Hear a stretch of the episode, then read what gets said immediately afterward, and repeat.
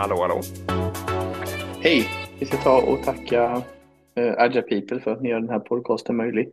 Gå in på agilepeople.com och kolla på kursutbudet och anmäl dig någonting. Eller kolla också på konsulttjänsterna de erbjuder. Uh, du hade något uh, ämne idag va? Ja, men exakt. Jag har tillbringat dagen då med ja, det vi kallar extended management, alltså alla chefer i min organisation helt enkelt. Det är väl då kanske 20-25 människor eller något sånt där. Mm. Ehm, och då har vi, först och främst ska jag säga, gud jag kan säga mycket här, du, vi får se vad som händer. Ehm, jag har inte alls lagt mig i det här och jag har märkt att det behöver inte jag göra längre, utan det är två, um, i det här fallet var det två gruppchefer som hade planerat, fixat alltihopa, dragit in lite andra människor och gjort en fantastisk heldag, helt bara på ett bra ämne. Då. Mm. Mm, det är ju magiskt bara det. Ja, sen ja, ämnet var då um, Customer Experience, User Experience och för den delen även Employee Experience, alltså lite det här hur uppfattas man? Um, då, eller hur uppfattas man som arbetsgivare eller hur uppfattas man när man liksom skapar sin tjänst eller vad det nu är man gör för någonting. Mm.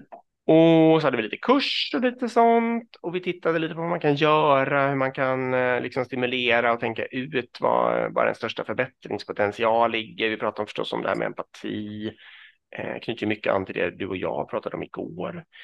Eh, men sen så hade vi också ett block om hur vi då är som arbetsgivare, alltså employee experience, vad, eh, hur uppfattar de som börjar och för den delen de som jobbar hos oss. Eh, oss liksom. Och då har vi ändå, alltså jag, jag har ju varit väldigt för det här och hjälpt till och så, men det har hänt ganska mycket. Vi har anställt en person som är, hon jobbar liksom med, med onboarding helt enkelt i min organisation.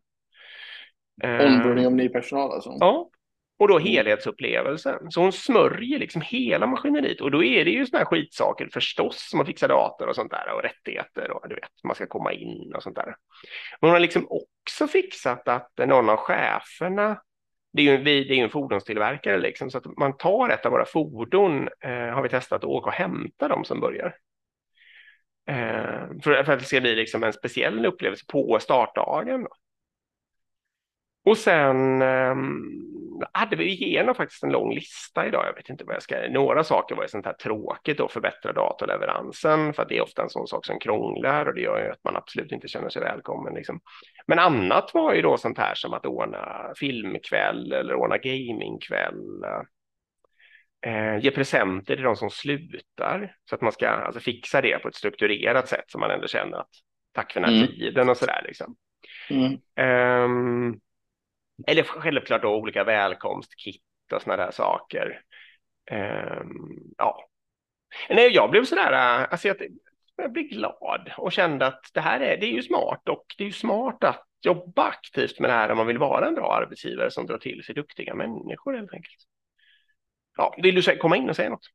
Ja, jag tror inte alls man ska, jag håller helt med, jag tror inte man ska underskatta det här också att eh, offboarda folk på ett bra sätt. För precis som du säger där att om man väljer att gå vidare men man fortfarande har ett bra avtryck och man känner att det var en bra avslutning, då är det också väldigt lätt att rekommendera. För det är ju så många jobb blir, liksom, att man rekommenderar. Och känner du någon som har jobbat där, då frågar du kanske dem hur var det att jobba där?